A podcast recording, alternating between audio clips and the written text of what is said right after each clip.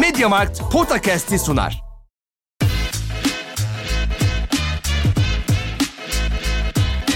Potakast. Kaan Kural ve Orkun Çolakoğlu'yla NBA gündemine haftalık bir bakış.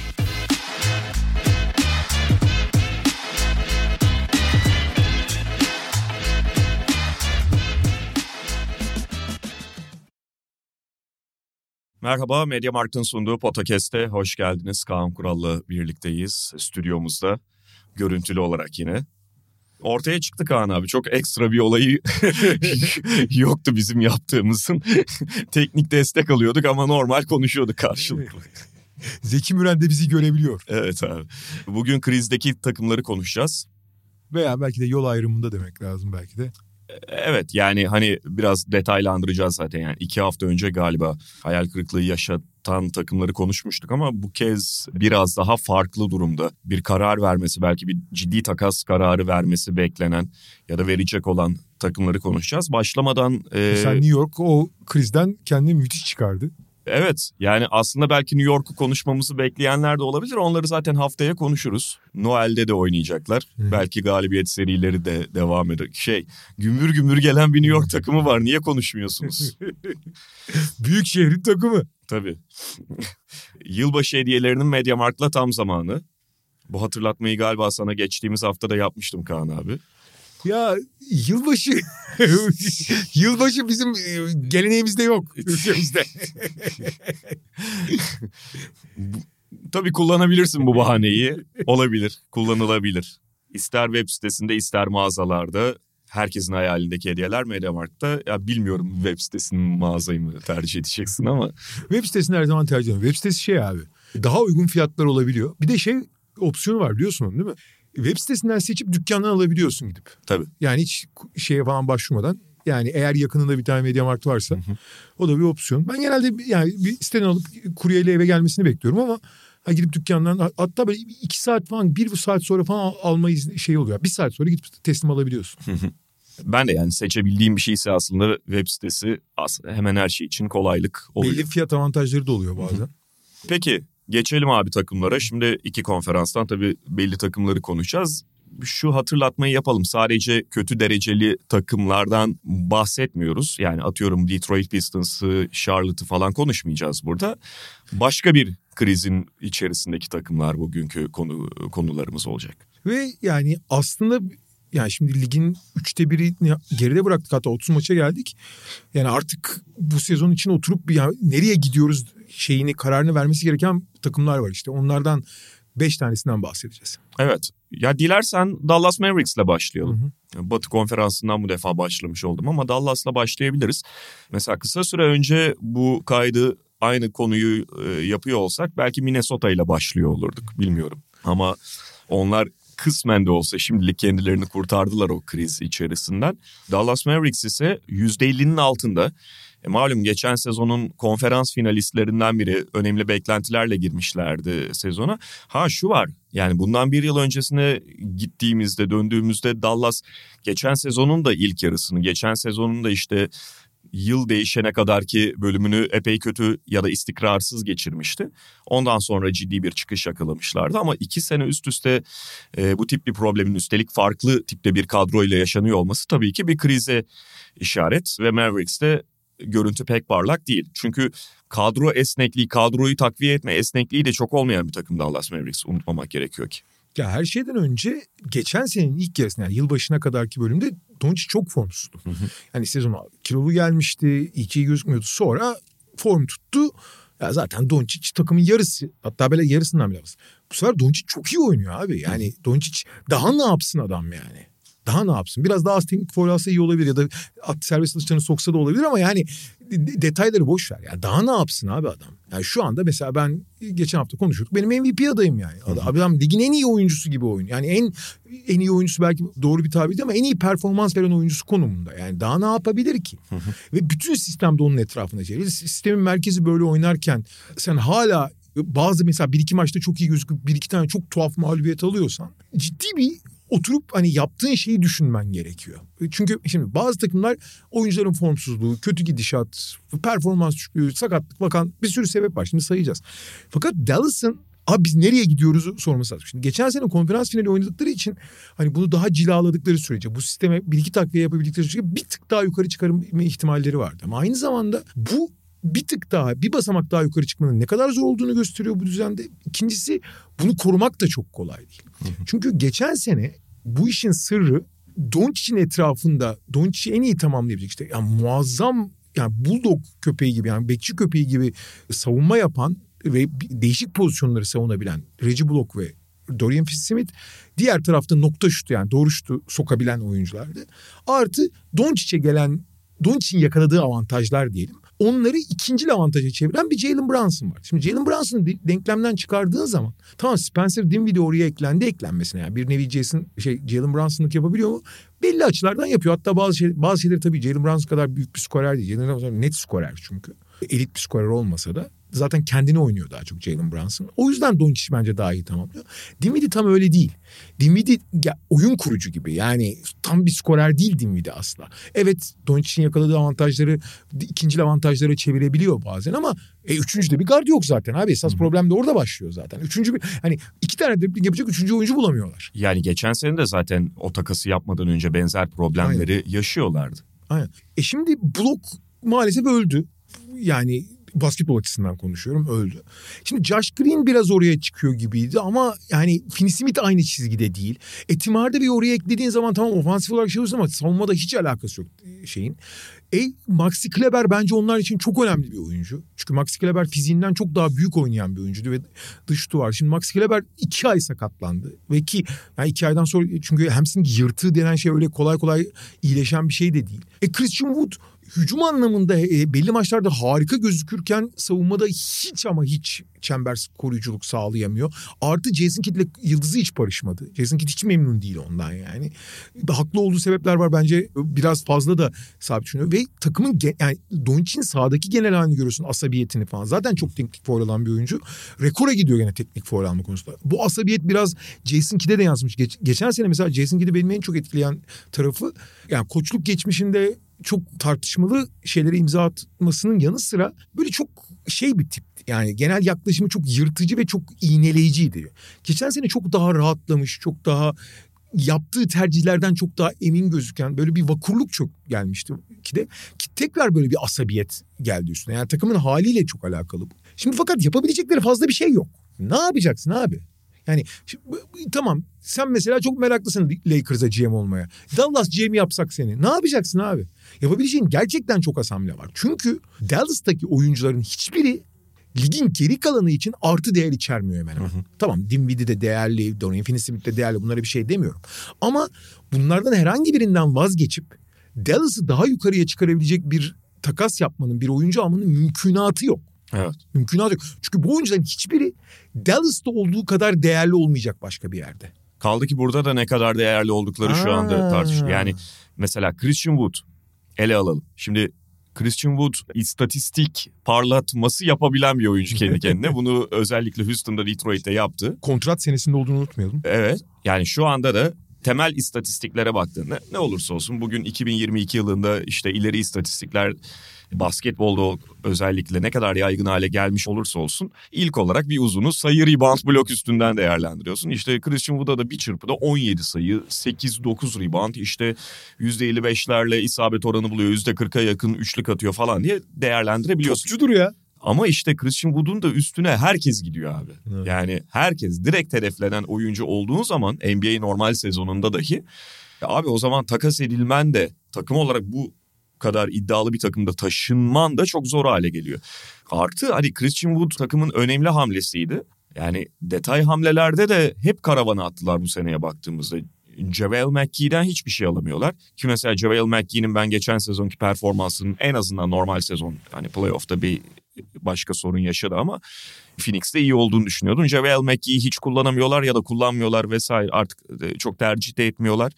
Bu daha detay Avrupa basketbolunu Türk basketbol severleri de yakından ilgilendiren Campazzo, Tyler Dorsey gibi şeylerde de bütünüyle karavana attılar. Oradan da bir şey alamıyorlar. E ne oldu o zaman? Kaldım böyle. Senin söylediğin Reggie Block'lar falan da performansı düştüğünde zaten elinde bu kalıyor. Ve yani şimdi Dallas'ın aradığı oyuncu türüne bakıyorsun. Ya bir Jalen Brunson gibi bir hani ikinci toplu oynayabilen skorer. Bir de işte Dorian Finney-Smith, Reggie Block ayarında hani topu elinde hiç istemeyen ama oyun şeyi dikkati hiç düşmeyen kanat. Abi bir kere oyun dikkati düşmeyen, topu da elinde istemeyen kanat bulacaksan hani herkes istiyor bunu yani. Kimse vermez ki öyle biri evet. olduğu zaman. Hani yüzdeli üç sayı atabiliyorsa. Ha toplu oynayabilen kanat ve ikinci skorer arıyorsan o da herkesin istediği bir oyuncu tipolojisi. Yani aslında ha mesela şey boyal alandan bitirici bir uzun arıyorsun tamam mı? Ama onu bulmak çok kolay. Onu bulmak çok kolay ya da işte çember savunacak ama işte sınırlı hücum gücü olan bir uzun onu bulmak da kolay. Abi bunu bulmak çok zor Dallas'ın aradığı oyuncuyu bulmak. Ne olacak peki? Yani ne yapacaklar? Abi işte, işte yani Reggie Block şimdi son dönemde biraz daha fena oynamamaya başladı. Josh Green sakat ama o dönecek. Max Kleber'in sakatlığı bence onlar için çok çok kritik. Kim Max Kleber bu sezon çok iyi oynadığından değil ama onların yapmaya çalıştığı şey için önemli. Evet. Yani Reggie Block'un kendine biraz daha hayata dönmesini bekleyecekler. İşte e, Josh Green işte bu hafta sonu dönecek diye yani yıl Christmas maçına dönebilir deniyor belki. Belki Josh Green'i oraya yerleştirirler daha fazla. Ya olanı daha iyi yapmaya çalışmaktan başka bir çık- çık- çıkış yolları da yok gibi yok. gözüküyor. Fakat bu Doncic'in ne kadar yıprandığını düşünürsek sezonun ikinci yarısında Doncic'in aynı performans koruması bile kolay olmayabilir yani. Yani Dallas'ın cezalandıramadığını gören takımlar iyiden iyiye Doncic'e mesela daha fazla double team getirmeye başladılar. Ve abi şeye bakıyorsun Dallas Doncic'in son çeyrek performansları düzenli olarak düşüyor. Tabii. Abi çok yıpranıyor. Abi yani onun taşıdığı yükün yanın yani NBA'de en ağır yükü taşıyan oyuncudan bir buçuk kat fazla yük taşıyor olabilir yani. Kemba Walker faktörü de var Aa, o ilk maçı hiç fena oynamadı ama tabii diziler... Sana hani, maç alır. Yani 10 maçta bir tanesini belki alır. Geçen gün alıyordu son anda gitti. Doğru valla. Peki buradan sıralamaya göre Golden State'le devam edelim isterseniz Batı konferansından başlamışken. Şimdi Golden State'de Mavericks'in bir basamak hatta yani yarım maç arkasında 15-17. Sonuçta şampiyon takım. Onların biraz daha hani böyle toparlama lüksü ya da potansiyeli var gibi gözüküyor. Ama tabii ki kaygı veren şeyler de var. Yani mesela bu takımın iç sahada yine çok iyi olmakla birlikte deplasmanda ligin en kötülerinden biri olması. 3-15'lik derecesiyle. Şu anda Stephen Curry'i küçümsenmeyecek bir süre için kaybetmiş olmaları ve zaten Curry varken de takımın Curry'i tamamlayan parçalarıyla ilgili zaman zaman bizim de konuştuğumuz sorunları yaşamaları. Mesela 15-17'ler işte biz bu kaydı çarşamba günü yapıyoruz. Bu akşam Brooklyn'le oynayacaklar. Back to back oyna, oynadıkları için Clay Thompson'ı oynatmıyorlar. Andrew Wiggins'in de zaten sakatlığı var. Muhtemelen o da oynamayacak. Belki Draymond Green'le ilgili de haber gelebilir. Ve yani Stephen Curry'nin de bir 3 hafta kadar kaçırması demek zaten NBA fikstüründe, NBA yoğunluğunda ciddi bir maç sayısına işaret ediyor. İyice geriye düşmüş de olabilir Golden State. Yani kapatamayacakları bir açıklık, bir mesafe değil belki ama e, ne olursa olsun hiç arzu etmedikleri bir durumun içinde kalacaklar. Artı yani işin yarış kısmını bir kenara koyalım. Gerçekten bu takımın kadrosuyla ilgili eğer hedef şampiyonluksa şu an beliren soru işaretleri çok daha net soru işaretleri sezon başına kıyasla. Ama genel toplamda da geçen seneki şampiyon kadrodan daha zayıf bir kadro değil bu aslında. Evet Otto Porter Jr. ve Gary Payton gibi önemli, önemli demeyelim de ciddi bir rotasyon iki parçasını kaybettiler. Ama işte onların hayali işte üç tane genç oyuncu. İşte Moody, Kuminga veya Wiseman'dan birilerinin oraya eklenmesi. Dante DiVincenzo'nun da işte e, belli bir yani onların yapısına uyacak bir oyuncu olarak tamamlamasıydı. Şimdi Dante DiVincenzo işte sakatlı uyum sağlamadı ama son dönemde daha iyi oynuyor. E Kuminga sezon başındaki korkunç kabustan uyanmış gibi bir rotasyon partisi. Evet hmm. takıma çok uyan bir yapısı yok Kuminga'nın. Yani takımı yapmaya çalıştıklarından biraz daha ay, aykırı duran bir oyuncu ama onun enerjisiyle falan başka şeyler getirdiğini söyleyebilirsin. Aslında yani olay sadece bir teori ise veya bir matematik denklemi ise kağıt üzerinde çok büyük bir problem yok gibi. Ama şimdi sahadaki performansa bakıyorsun. Ciddi kabus bir tablo var ortada. Korkunç bir tablo var ortada. Özellikle işin savunma tarafında şu ana kadar. Fakat Golden State'in de böyle aşırı panik olacak bir durum yok. Yani onlar playoff'a 7. 8. girseler bile bence hani çok e, endişe verici. Yalnız oraya gelene kadar özellikle savunmanın kendi takım standartlarına çıkıp çıkmayacağı bence çok belirleyici. Şimdi sezon başında korkunç foul yapıyorlardı. Kazandıkları maçlarda da. Yani sürekli foul yapan bir takım vardı. Yani savunmada sanki savunma yapmayı unutmuş. Ayakları gitmediği için elleriyle müdahale etmeye çalıştığı için foul yapan bir takım gibiydi. Ki öyle yani performans da öyleydi. Şimdi o biraz daha toparlandı. Foul sayısı azaldı. Savunma verimliliği bir miktar yükseldi. İşte oraya Kuminga eklendi. Andrew Wiggins ki bence bu savunmanın çok önemli parçalarından biri. En önemli kanat savunmacısı. Onun olmadığı maçlarda bile savunma en azından rekabetçi oldukları bölüm için çok kötü gözükmüyor. Orayın toparlanacağı da belliydi zaten. Ha şimdi toparlanmak başka bir şey. Elit seviyeye yani şampiyonluk seviyesine gelmek başka bir şey. Şimdi bunu yakalayabilmek o kadar kolay olmayabilir. Çünkü bu yani sezon başında yaşanan yumruk olayının etkileri. Bu Draymond Green'i belki biraz hizaya soktu. Yani kendine çok Draymond Green inanılmaz bir eforla ve istekle oynuyor. Hatta hücum anlamında son yılların en iyi sezonunu geçiriyor olabilir. Ama bu takıma gösterdiği liderlik ve takımın ona olan saygısı konusunda çok ciddi bir şey dengesizlik yarattı. Fakat bunlar zaman içinde çözülecek diye bekliyorlar. Çözülebilir. Asıl mesele şimdi hücumdaki yani Curry'nin de mesela Doncic için benzer şeyleri söyleyebiliriz. Abi Curry bu sezon başından beri sakatlandığı güne kadar geçen seneki NBA finali seviyesinde hatta belki de daha iyi oynuyordu. Yani hı hı. hiç olmadığı kadar iyiydi Curry. Yani özellikle hani üç sayılarını zaten söylemeye bir şey yok. Abi ikilikler, penetre işte penetre üzerinden pota dibi bitirişler, floaterlarla falan kariyer zirvesi yapmıştı Curry. Yani ligin en büyük skoreri gibi oynuyordu. Bütün diğer yaptıkları şeylerin dışında ligin en büyük skoreri demek abi Durant'le falan ölçüşüyordu yani. yani. Ya da ne bileyim kim var şey Donovan Mitchell falan yani onlarla boy, boy ölçüşecek. Hatta onların üzerinde bir skorerlik gösteriyor. Diğer bütün etkileri bir tarafa. Yani Curry'i zaten abi sahaya koysan orta sahada ayakta dursa bile hücumda bir etki yaratıyor adam. Buna rağmen hücumun çok teklediğini görüyordun. Ki bir daha tekrar ediyorum. Curry bu seviyede oynuyor. Wiggins de gayet iyi oynuyordu. Çünkü Wiggins'in iş çıkışlarını biliyoruz hücum konusunda. Draymond Green kariyerin en iyi hücum performanslarından beni gösteriyordu. Şimdi burada kritik nokta bunu yani takımın işte yani Golden State'in en büyük özelliği ne abi? Yani birkaç oyuncunun skoru oynaması değil. Bunu kolektif bir avantaja çevirip yani genelde bütün 20 30 takımın 29'u bir kişiden bir avantaj yakalayıp onu sonuca dönüştürmek üzerine oynuyor ya da daha büyük bir avantaj. Golden State pek öyle değil. Fakat bu yapı hiç oturmamış durumdaydı işte Clay Thompson'ın korkunç başlangıcı, Jordan Poole'un hani o yumruktan hiç ayağa kalkamamış gibi gözükmesiydi. Curry'nin bu sakatlığı eğer Golden State sezonu derece olarak iyi olsaydı olumlu bile olabilirdi. Yani Jordan Poole'un tekrar geçen sene hatırlayacaksın Curry sakatken Jordan Poole ilk beşe yerleştikten sonra büyük bir patlama yapmıştı. Benzer bir etki yapabilirdi. Diğer oyuncular işte kendi oyunlarını da yani Curry'e sırtlarını dayamak zorunda kalmadan oynamayı öğrenmeleri falan biraz ateşli imtihan gibi olabilirdi. Ama şimdi öyle bir durumdalar ki abi derece kötü olduğu için işler kötü gittiği için bu olumsuz hava hiç dağılmıyor Golden State'in etrafında.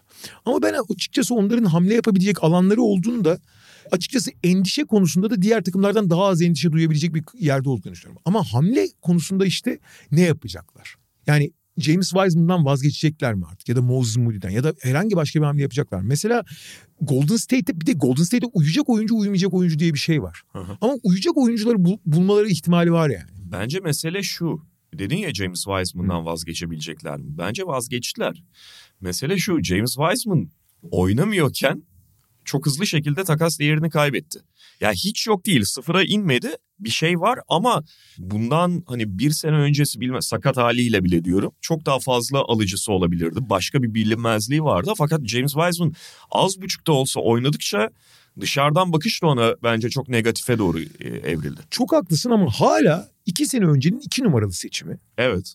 Atletizmi var. Bir saf yetenek var orada. Var. Ona bir şey demiyorum. Çok önemli bir problem var. Yani taş elli uzun çok büyük problemdir. Ama hala bir değeri. Oynadıkça derin daha da kaybedecek abi bu arada. Yani daha da kaybedecek. Abi. Bundan daha iyi olmayacak. O yüzden hala bence o, o riski almak isteyecek ya da o kumarı oynamak isteyecek takımlar bulabilirler. O Tabii. yüzden o yüzden sıfır değil değeri yani. Sıfır değil. Hı-hı. Sıfır değil katılıyorum ama çok hızlı yani ellerindeki önemli bir asetken şimdi epey değeri zedelenmiş bir aset halinde. Daha da zedelenir abi eğer şimdi takas etmezlerse. Tabii ki e, bence de etmeleri Hı. gerekiyor. Yani ben tutsunlar demiyorum artık. Hı. Ve bence James Wiseman ya hiçbir zaman tabii beklenen gibi bir oyuncu olmayacağı bence artık net ortaya çıktı ama başka bir takımda Golden State'de olduğundan daha iyi olabilir. Çünkü Golden State şimdi mesela ben hep aynı örneği veriyorum ama Kelly Oubre örneği gibi abi tamam mı?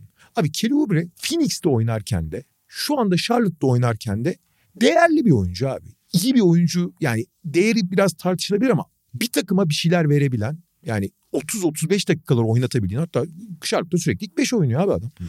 Oynatabildiğin bir adam.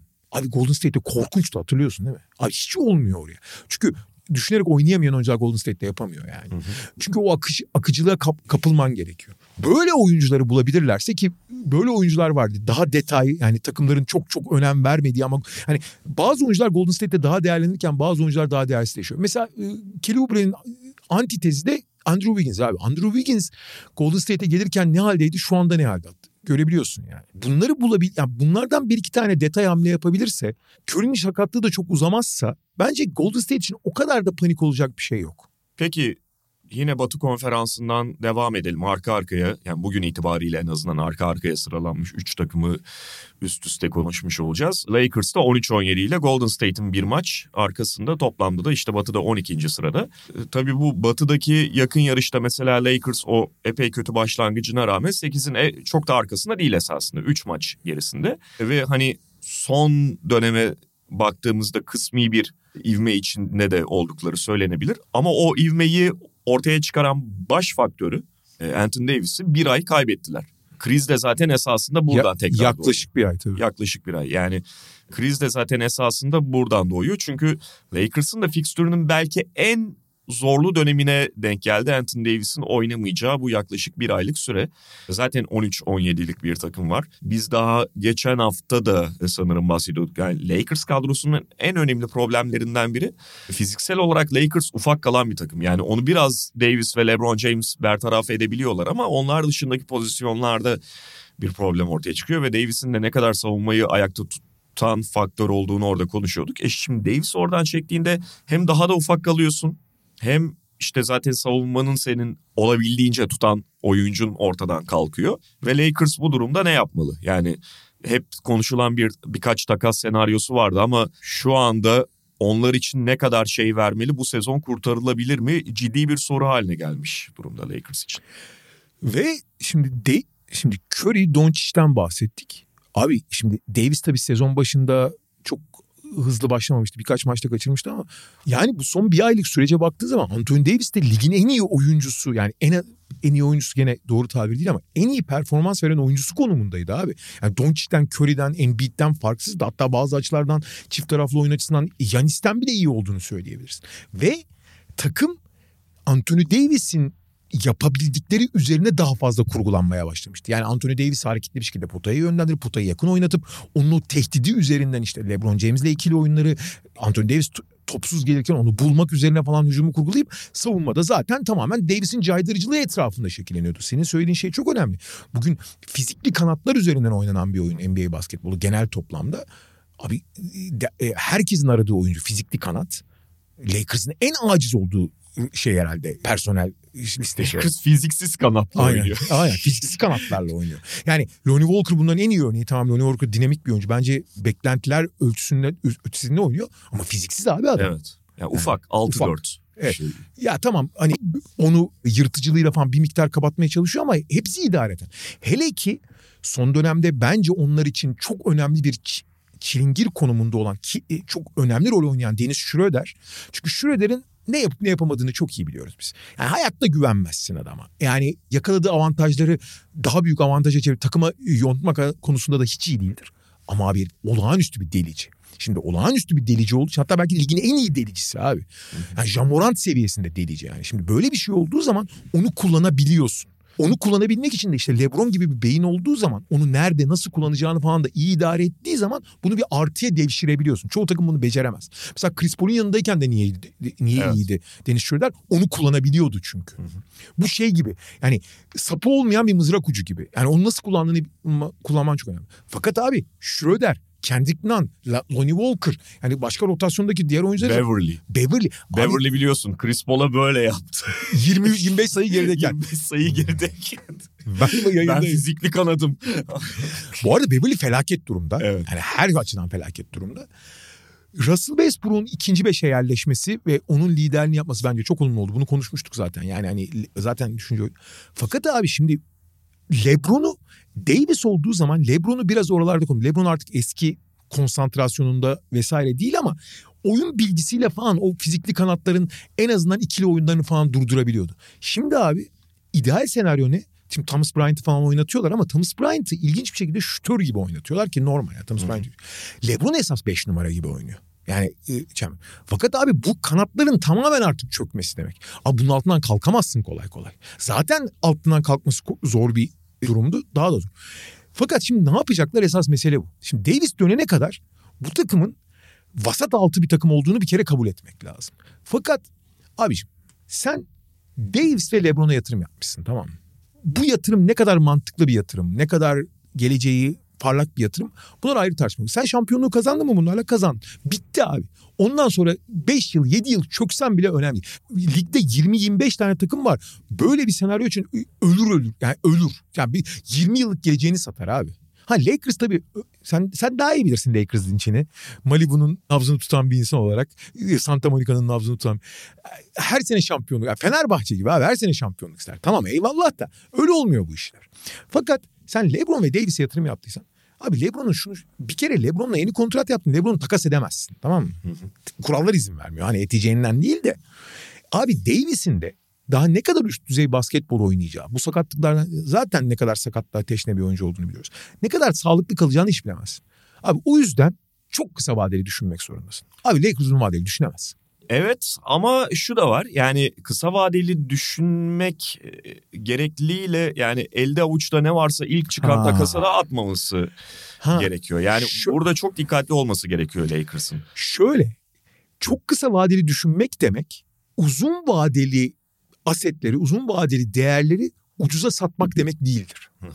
Bence o yüzden yani Buddy Hield, Miles Turner takasını işte Russell Westbrook artı 2027-2029 draft takları yapmaması mantıklı.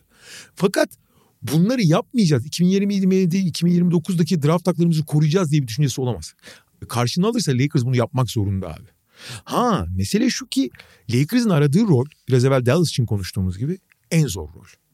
Yani o rolü, o pozisyonu, o personeli bulmak çok zor. Kanatlı, fizikli kanat. Çünkü herkes abi Clippers'da 10 tane var 11.yi arıyorlar yani. Bu çok zor bir şey bunu bulmak. Ee, ama sezonun şimdi öyle bir noktasındayız ki birazdan başka takımları konuşacağız. Yani takımların bazıları abi bu sene olmuyor deyip resete basabilir ve bazı oyuncuları takası açabilir. Burada Lakers'ın alıcı konumda olması lazım abi. Niye olursun? Yani bu 2027-2029 haklarını hemen verelim değil. Nasıl şey davrandıysan Indiana ile masadaki takasta daha dirençli davranırsan gene dirençli davranırsın. Ama Abi bu sene bu haklar çok değerli. Bu sene artık gitti. Davis de zaten sakatlandı. Bir şey olmaz diyemezsin abi. Lakers'ın öyle bir lüksü olamaz yani. Çünkü zaten draft hakları kendi draft hakları ellerinde değil bu sene. Evet evet. Ama işte yani ortaya kimin çıkacağı, pazara kimin e, çıkacağı da çok önemli. Şimdi burada kritik orayı karıştırabilecek bazı takımlar var. Onlar da Doğu Konferansı'nda oraya Aynen. belki geçmek lazım. Aynen öyle. İstersen Chicago Bulls'la devam edelim. Hani son birkaç günün en çok konuşulan takımlarından biri. Son maçlarını kazandılar ama eksik bir Miami'ye karşı kazanmış oldular bu sabah. Ve şey büyük bir kavganın arkasından geldi o kazan. Yani evet. biraz şey reaksiyon galibiyeti gibi bir şey o. Zaten bir hani... önce bir önceki maç ne oldu abi? 150 sayı yediler. Minnesota'dan Minnesota, 150 yediler. Pivotsuz Minnesota'dan. Ne Gober var ne Towns var. 150 yediler abi 150. Evet. Ve yani on, 4 maç kaybetmişlerdi. Hani biraz daha geriye gidersek zaten serileri epey kötü. Takım düşüyor düşüyor işte Lonzo Ball probleminden daha önce zaten bahsetmiştik. Ve bir takımın atletik ya da işte ESPN gibi bir mecraya haber olması, hikaye olması, yazı konusu olması zaten e, takım içi yaşanan problemlerle birlikte o takımın yıldızlarından biriyle alakalı takım içerisinde memnuniyetsizlik olduğunu yine o yazıda e, dile getirilmesi. Bunlar zaten yeterince kötü şeylerdir. Ee, Chicago'da dünden beri en çok konuşulan takımlardan biri. On, ondan öncesinde de aslında Chicago Bulls'la ilgili yani belki iki haftadır falan artık bu takım hani olmadığını kabul mü etse, takasa mı yönelse, DeRozan ya da Zach Lavine her neyse. Bunlar konuşuluyordu fakat dün işte Atletik'te çıkan Shams Karanian'ın yazısıyla birlikte iyice mesele haline hani ulusal boyutta mesele haline geldi NBA kamuoyunda. Ve abi abi olmayacak deyip resete bas reset ya, atması gereken ilk takım abi Chicago. Bu takımın geleceği yok çünkü. Hakikaten geleceği yok. Yani Vucevic gibi temassız bir uzunla DeRozan gibi beklentileri inanılmaz aşmış iki senedir bir oyuncu ama hani tamamen iki sayılığa yönelik skorerle yani etrafını doğru şey yapamadığın bir skorerle bu performansı ne kadar koruyacağı çok ciddi soru işareti olan bir skorerle Lavin gibi 5 yıllık bir kontrat yaptın ama dizindeki yani tamamen atletiklik üzerinden oynayan, tamamen demeyelim ama atletikliği çok önemli bir rol olan ve bu sezon o atletizmi ciddi kaybetmiş gibi gözüken bir oyuncu bir yere varamazsın abi. Ha, bu takımın da üst düzey savunma yapmasına imkan yok. İşte Patrick Williams çok büyük oyuncu olacak falan diye. Evet önemli bir bence aşama kaydetti Patrick Williams. Bu sezon özellikle savunma tarafında bence hiç hiç fena değil. Ama abi şey de değil yani merkez bir parça olmayacağı da belli artık Patrick Williams'ın. Ya da en azından çok üst düzey bir oyuncu olmayacağı yakın vade.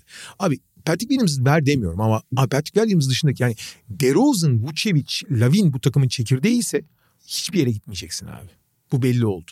Ve bunlar hala belli bir değer taşırken bunlardan mümkün olan hepsinden bir şekilde değeri varken o değerleri kazanmak lazım. Yani Vucevic'i Orlando'dan alırken iki draft hakkı vermişlerdi hatırlıyorsun. Hı hı. Ee, abi olmadı o iş. Ya Vucevic çok kötü olduğu için. Vucevic bu zaten abi. Belki biraz daha iyi olabilir. Ne? Vucevic çünkü sıfır te- yani maç başına iki tane serbest atış atan pivot mu olur abi? Yani 20 sayı ortalama atıp iki tane serbest atış atıyorsan bu senin yani DeAndre Ayton'sın sen o zaman yani. Draft DeAndre draft haklarından biri de Wagner oldu. Ya o o o bir şey o ayrı bir konu. Yani Wagner'i çok iyi seçti. Ayrı şey. Yani ona bir şey diyemezsin. Hani adamlar iyi seçtiler. Sen Wagner'i seçecek miydin acaba seçseydin? Yani? Garanti değil tabii ama bunlar düşünülür. Akla tabii. gelir yani. Tabii. Ve abi Lavin'in şu ana kadar verdiği mesajlar, iletişim yöntemi, sahadaki görüntüsü bu arada eski Lavin'le alakası yok. Yani dizinin yüzde yüz iyileşmediği ya da onu bir şekilde rahatsız ettiği kesin. Hani pota yakınlarındaki bitiricilik oranları falan da ortada sahada izlerken de görüyorsun. O olağanüstü atletin atletizmiyle rakipten hiçbir zaman fiziğiyle sıyrılmadı. Lavin atletizmiyle sıyrılmadı. Hiç onları yapmadığını. Zaten geçen senenin özellikle ilk yarısında Lavin sağlıklıyken takımın iyi olmasının en büyük sebebi DeRozan oynarken Lavin'in topsuz hareketten inan herkesten sıyrılarak oynuyor olmasıydı. E şimdi abi şut atarken de güç alamıyor. 14'te 1 atıyor. Sonra 14'te 1 attığı maçta son dakikalarda oturttu diye koça benim gibi adam oturtulur mu kardeşim falan diyorsan çok senin uyum aramadığını da gösteriyor. E son maçta işte Minnesota maçında soyunma odasında olay çıkmış. Yani Lavin hiçbir şeyle ilgilenmiyor falan diye. Sonra verdiği mesajlar falan hani negatif enerji verip duruyor. Şimdi abi Vucevic, DeRozan ve şey Lavin, Lavin. artı Caruso bunlar hala takımların isteyeceği oyuncular. Belli oranlarda. Vucevic'in belki biraz daha zor ama sonuçta kontrol da çok uzun değil. O yüzden hani olabilir. DeRozan belki savunma anlamında çok ciddi bir handikap ama olağanüstü bir skorer. Yani mesela Vucevic, DeRozan ikilisi Lakers'a konuşuluyor. Hı hı. Abi Hill, Miles Turner'dan daha iyi olur resmen bu. Belli açılardan. Tabii Vucevic'in tam olarak ne yapacağına bakmak lazım. E, Caruso'yu herkes ister. Her takım ister. İşte bu bahsettiğimiz takımların hepsi Golden State falan hepsi ister. Hı hı. Artı NBA'deki 30 takımın 25'i falan ister yani. Tabii. Lavin'i çoğu kişi istemez. Çünkü zaten 5 yıllık bir kontrat var ve sağlıklı olduğuna emin değilsin abi. Hele ki sana kucak açmış. 5 yıllık kontrat vermiş. O 5 yıllık kontrat seneye başlayacak bir de biliyorsun. Ee, daha başlamadı yani. 5 yıllık kontrat vermiş takıma karşı bu kadar negatif enerji dolu olan bir adamı da kadroya katmak ister misin? O apayrı bir problem. Fizik, fiziksel sorunları sakatlığı dışında zihinsel olarak da ister misin? Hı hı. Ama hala isteyecek takımlar var abi. Yani ve yaş olarak da bunların arasında en iyisi sonuçta evet. Zach Ve hala yani merkez parça arayan bir New York gibi falan bir takıma da verebilirsin gayet rahat. Tabii. Ama Chicago'nun bir an evvel bu kararı vermesi lazım. Sorun şu ki abi Arturas Karnişovas başa geçtikten sonra bu takımı yani rekabetçi bir takım olmak için o kurdu. Yani bu parçaları o aldı işte Vucevic takasını yaptı işte DeRozan'ı ekledi falan. Yani zamanında hepsi çok eleştirildi. Bence mesela Vucevic takası da eleştirildi. DeRozan transferi çok eleştirildi çünkü vermesi gerektiğinden çok daha fazla para, para vermişti. Ha çoğu performans olarak beklentileri çok aştı özellikle DeRozan. Kimse bir şey diyemez yani. O yüzden Karnişovas'a vay helal olsun falan denir. Ama şimdi Karnişovas'ın yani yeni genelci menajerin abi bu iş böyle olmayacakmış. Yani beceremedik şeyini kabullenmesi lazım artık. E, e, ironik olan kağıt üzerinde en mantıklı gözüken, en övgü alan, kaldı ki sahadaki sonucu da gayet iyi giden Lonzo Ball'un onları en çok patlatan şeylerden biri olması. Yani talihsizlik tabii onu Çok şanssızlık. Tabii. E, fakat yani Lonzo Ball transferine kimsenin bir itirazı yoktu. Herkes evet cuk oturdu oraya yap, yapılması gerekeni yaptılar belki diye hemen herkes öyle bakıyordu. Sağdaki sonuç da iyiydi yani Lonzo Ball'un oynadığı bölümde. E, ama ondan sonrası işte çorap söküyor gibi geldi. Ha bak şimdi iyi gitmeyen ya da beklentilerin altında giden biraz yol ayrımındaki bir sürü takımı konuştuk. Abi sonuçta işte Lakers'ın daha ileriye gitmesi lazım. Dedik. Dallas'ın da gitmesi lazım ama gidecek fazla hamlesi yok ama bunu da bozamazsın. Bozacak bir şey de yok dedik. Hmm. Golden State'in çok endişelenmesi ne gerek yok? Abi Chicago'nun şu anda şeye karar vermesi lazım. Bugün abi bitti bu. Çünkü Chicago için en iyi senaryo bile iyi değil. Onu demeye çalışıyorum ben. Yani olabilecek en iyi senaryo bile iyi değil Chicago için. Evet ve yani burada hemen bunları dağıtıp işte draftta vesaire bunları yol yakınken ya da daha fazla uzama e, toplamaya başlamak. Onların da şöyle bir açmazı var. Bu seneki draft hakları şeyde Orlando'da ilk dört korumalı. Abi ilk dörtte seçemedikten sonra bu sene çok kötü gitmenin de bir anlamı yok. Ama ilk dörtte seçmek de çok zor. Hani zaten ihtimal de yok. Artı altta zaten çoktan dördü kapatmış bir sürü takım var yani. Evet ama yine de yani hem draftta yine başka hani dört korumalı olsun diğerlerinden seçsinler artı yani, seçemeyecekler işte. Yani DeRozan'ı da Zach de şu anda verip ileriye dönük başka şey almak da önemli. Ha doğru doğru. Ama şey ya mesela atıyorum Orlando öyle bir yanlış hakkı geri alabilirsin belki. Yani 6. sırada seçerse Orlando'ya gidecek hakkı. Öyle bir öyle bir açmazları var onların da.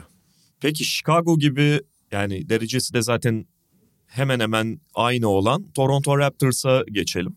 Yani Raptors'ta zaten birkaç sezondur çizgideki takımlardan biri olarak gözüküyordu. Çoğu zaman beklentileri aştılar ama bu sezonda aksine altında kaldıkları söylenebilir. Onların da 13-18'lik bir derecesi var. Sonuçta play-in sisteminin içerisinde tamamen devre dışı kalmıyorsun. İşte bir tane Knicks benzeri seri yakalamana e, bakabilir vesaire ama Raptors'ın bunu zorlamasının anlamı var mı? Ya olabilir ama bir şeyleri de değiştirmek gerekiyor. Daha doğrusu oradaki asıl bence ciddi problemlerden biri. Abi NBA'de işte 30 takımın 25'i falan 3 aşağı 5 yukarı benzer şekilde kurgulanıyor. Yani temel bir kurgu. Bunlardan farklı yani diğerlerinden farklı basketbol oynayan takımlar var. Mesela Dallas biraz daha farklı oynuyor. Yani çok merkezi bir oyuncuyla. Golden State biraz daha farklı oynuyor. Brooklyn de belli açılardan farklı diyebilirsin. Fakat bütün takımlar arasında en farklı basketbol oynayan herhalde Toronto. Yani Toronto bir de biraz olmayacak duaya amin demenin bence sonuçlarını alıyor. Burada orada her şeyden önce Nick Nurse'le bir mutabakata varmak lazım. Şimdi Nick Nurse'un iyi bir koç olduğuna hiçbir şey yok taktisin. Ama bunun sürdürülebilirliği ciddi bir problem. Yani bu kadar topa baskıyla 48 dakika oynanmaz. Bu oyuncular üzerinde fiziksel ve zihinsel yarattığı etkiler bir tarafa hani verimliliği de çok daha. Abi Toronto artık yani zaten yarı saha hücumu ligin en kötü takımlarından biri. Fakat bu o yüzden biraz da mecburen topa bu kadar baskıyla top çalmaya dayalı ya da rakip top kaybına zorlayan oyunu oynamak istiyorlar açık saha e, diye. Fakat buna bir denge bulmak zorundalar. Böyle böyle 82 maç 48 dakika oynayamıyorsun abi. Hani oyuncuların üzerinde yarattığı dediğim gibi sakatlık riski, zihinsel yıpranma falan bir tarafı olmuyor. Onların yalnız abi yarı sahada daha fazla, daha ekstra, daha standart çözümlere ihtiyacı var. Şimdi yarı sahada ne yaptıklarına bakıyorsun abi. Scottie Barnes birebir oynuyor. İşte bir şey öğretmeye çalışıyor. Pascal Siakam daha çok birebir oynamaya çalışıyor. Ki Pascal Siakam harika bir sezon geçiriyor. Olağanüstü bir sezon geçiriyor. Keza OG Anunoby de harika bir sezon geçiriyor. Fakat bunları tamamlayacak. Yani o birebirin üzerinden onlar üretemediği zaman üretecek oyuncuların hepsi dökülüyor abi. Bir, Scottie Barnes feci bir sezon geçiriyor. Fred VanVleet iki tane müthiş maç oynadı. Onun dışında korkunç ötesi oynuyor. Gary Trent Reggie Block'tan hallice diyeyim yani. Hiç alakası yok. E onlar mesela bu sezon rotasyona eklemeyi düşündükleri gene kendi oyun sistemlerine uygun hani sürekli switch yapabilecek Precious Achiuwa'dan hem sezon başında beklediklerini anlayan hem sakatlandı. E bir anda ortada kalmış gibiler. Ama onlar bence iki şeyi de yapabilirler. Yani bence onların sıfırlamaya ihtiyacı yok fazla. Ama personelde bir değişiklik yapabilirler. Yani Fred Van Fleet mesela bugün her takıma gidebilir tamam mı? Hı-hı. Ve hala değeri var. Tamam çok Tabii. kötü bir sezon geçiriyor olabilir ama Fred Van Fleet'ten vazgeçebilirsin. Bence Siakam'dan vazgeçmek çok iyi bir fikir değil. Çünkü Siakam seviyesinde bir oyuncuyu kolay kolay bulamazsın yani. Ve Siakam'la başka bir şeyle oynayabilirsin. Siakam illa böyle oynamak zorunda değil çünkü. Ama Fred Van Fleet'ten hatta burada daha biraz büyük bir role geçmeye çalışan Ojian'ın vazgeçmek istemeyeceğim bir oyuncu. Biraz evvel bahsettiğimiz o fizikli iki taraflı oynayan kanatların en iyilerinden biri çünkü Ojianovi.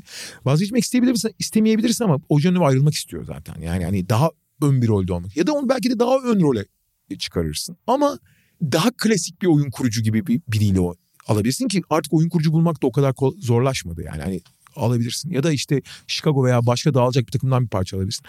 Ama yani tamamen Siakam dışında herkesten vazgeçip veya belli parçaları tutup bir yolda toparlayabilirsin. Ama her şeyden önce bu çizdikleri yolu biraz daha normalleştirmeleri gerekiyor abi. Bu kadar radikal bir şekilde biz topa her topa saldıracağız. Her topta ikili sıkıştırma yapacağız. Her top, her rakibi her hücumda top kaybına zorlayacağız diye oynamaya çalışırsan abi iki ileri bir geri gidersin yani. Ee, onlar belli ki Oji Anunobi'yi takasta kullanmaya bir şeylere dönüştürmeye çalışacak. Çünkü yani, en değerli parça o. e, Evet fakat yani kolay kolay da vazgeçmeyecekler e, Anunobi'den. Yani Pahalıya satacak. evet çok pahalı çok fazla şey isteyecekler. İstemeye hakları da var Tabii ve epey de piyasayı kızıştırabilirler. Oji Anunobi'yi e, ortaya süre, sürerek. Toronto'nun yani bu takımlar arasında en fazla alternatifi olan Toronto ne yapacaklarını ama onların da bir an evvel karar verip bence her şeyden önce Nick Nurse'ün seçtiği yolu değiştirmesi gerekiyor abi. Değiştirmesi derken en azından biraz daha normalleştirmesi. Bu kadar radikal olmaması gerekiyor. Ben onu geçen Amerikan Mutfak'ta konuşuyorduk. 2013 Miami bunu yapıyordu abi. Fakat abi Wade, Bosch, LeBron gibi yani ligin gördüğü en atlet oyunculara sahiplerdi belki. Ve onlar bile 48 dakika yapmıyorlardı bu sürekli topa baskı ve e, sıkıştırma işini. Abi şimdi bütün personeli böyle kurmaya çalışıyorsun. Uzun kollu, atlet, yırtıcı vesaire. Abi Yetenek o- yetmiyor belli ölçüde. Abi yetmez. Evet. Yetmez. Hele ki modern hücumcular bu sıkıştırmayı açtıkları anda direkt dezavantajla başlıyorsun. Ve yarı sahada bu kadar aciz olamazsın yani. Yarı sahaya kaldığın zaman bu kadar... Ha yarı sahada biraz daha konvansiyonel bir şeyler oynayabilsen, biraz daha iyi olmasını geçtim. Normal, vasat bir seviyeyi yakalayabilsen, bu kadar açık sahaya mahkum olmasan savunmayı da biraz daha muhafazakar yapabilirsin. Anlatmaya çalıştığım o yani. Ya da işte yani bütün oyuncuları mesela 25 dakika civarında oynatabilsen, rotasyonu o, şekilde genişletebilsen tamam ama işte o zaman da o yetenek problemi yüzüne vuruyor. Artı- yani sen sonuçta Siakam'la 25 dakikayı falan oynarsın orada belli bir şey belli bir verimde hücum edebilirsin ama e, işte Achuva'yla oynamaya çalıştığında ne olacak? Ne bileyim Hernan Gomez'le oynamaya çalıştığında ne olacak? Ve Nurse onu da yapmıyor abi. 40 dakika gene bu sene 37'lere falan indirdi ama 40 dakika oynatıp duruyordu yani. Bence buradan çok ileriye gitmek çok zor yani. Hani bunu bir çünkü sürekli 5. viteste oynanmaz abi. Biraz 3. vitese inme inebilecek lüksün olmalı yani. Şeyin öyle bir lüksü yok Toronto'nun yani. Peki başka bir takımımız var mıydı? Valla bence en, en büyük yol ayrımında olan takım şeydi ama onun artık yol ayrılacak yolu molu kalmadı yani.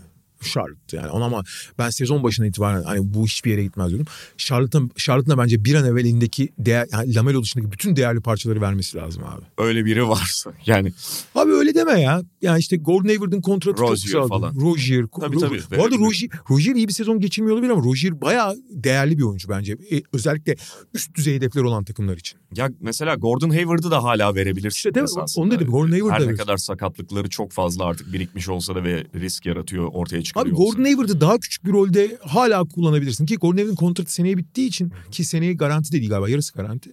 Yani hala yani şöyle söyleyeyim Lamelo Ball dışındaki her değerli parçayı belki PJ Washington da dahil belki. Çünkü PJ Washington da çok istenen türde bir oyuncu. Dışarıdan oynayabilen dış pot altı oyuncusu olduğu için. Hani hepsini verebilirsin. Ya işte yedek uzuna mesela Denver'ın ihtiyacı var. Mason Plumlee'yi geri gönder abi. İkinci tur hakkında bile gönder yani fark etmez. Hemen ama hemen Charlotte'ın artık resetlemesi lazım takımı yani. Ki yeterince kötüler zaten. Evet. Sonunculardı. En son bir maç kazandılar. Hala sonuncular. 8-23 ile yani Detroit maç fazlasıyla daha kötü. abi. Peki o zaman bugünlük bu kadar diyelim. Mediamarkt'ın sunduğu Podcast'te haftaya tekrar karşınızda olacağız. Hoşçakalın. Hoşçakalın.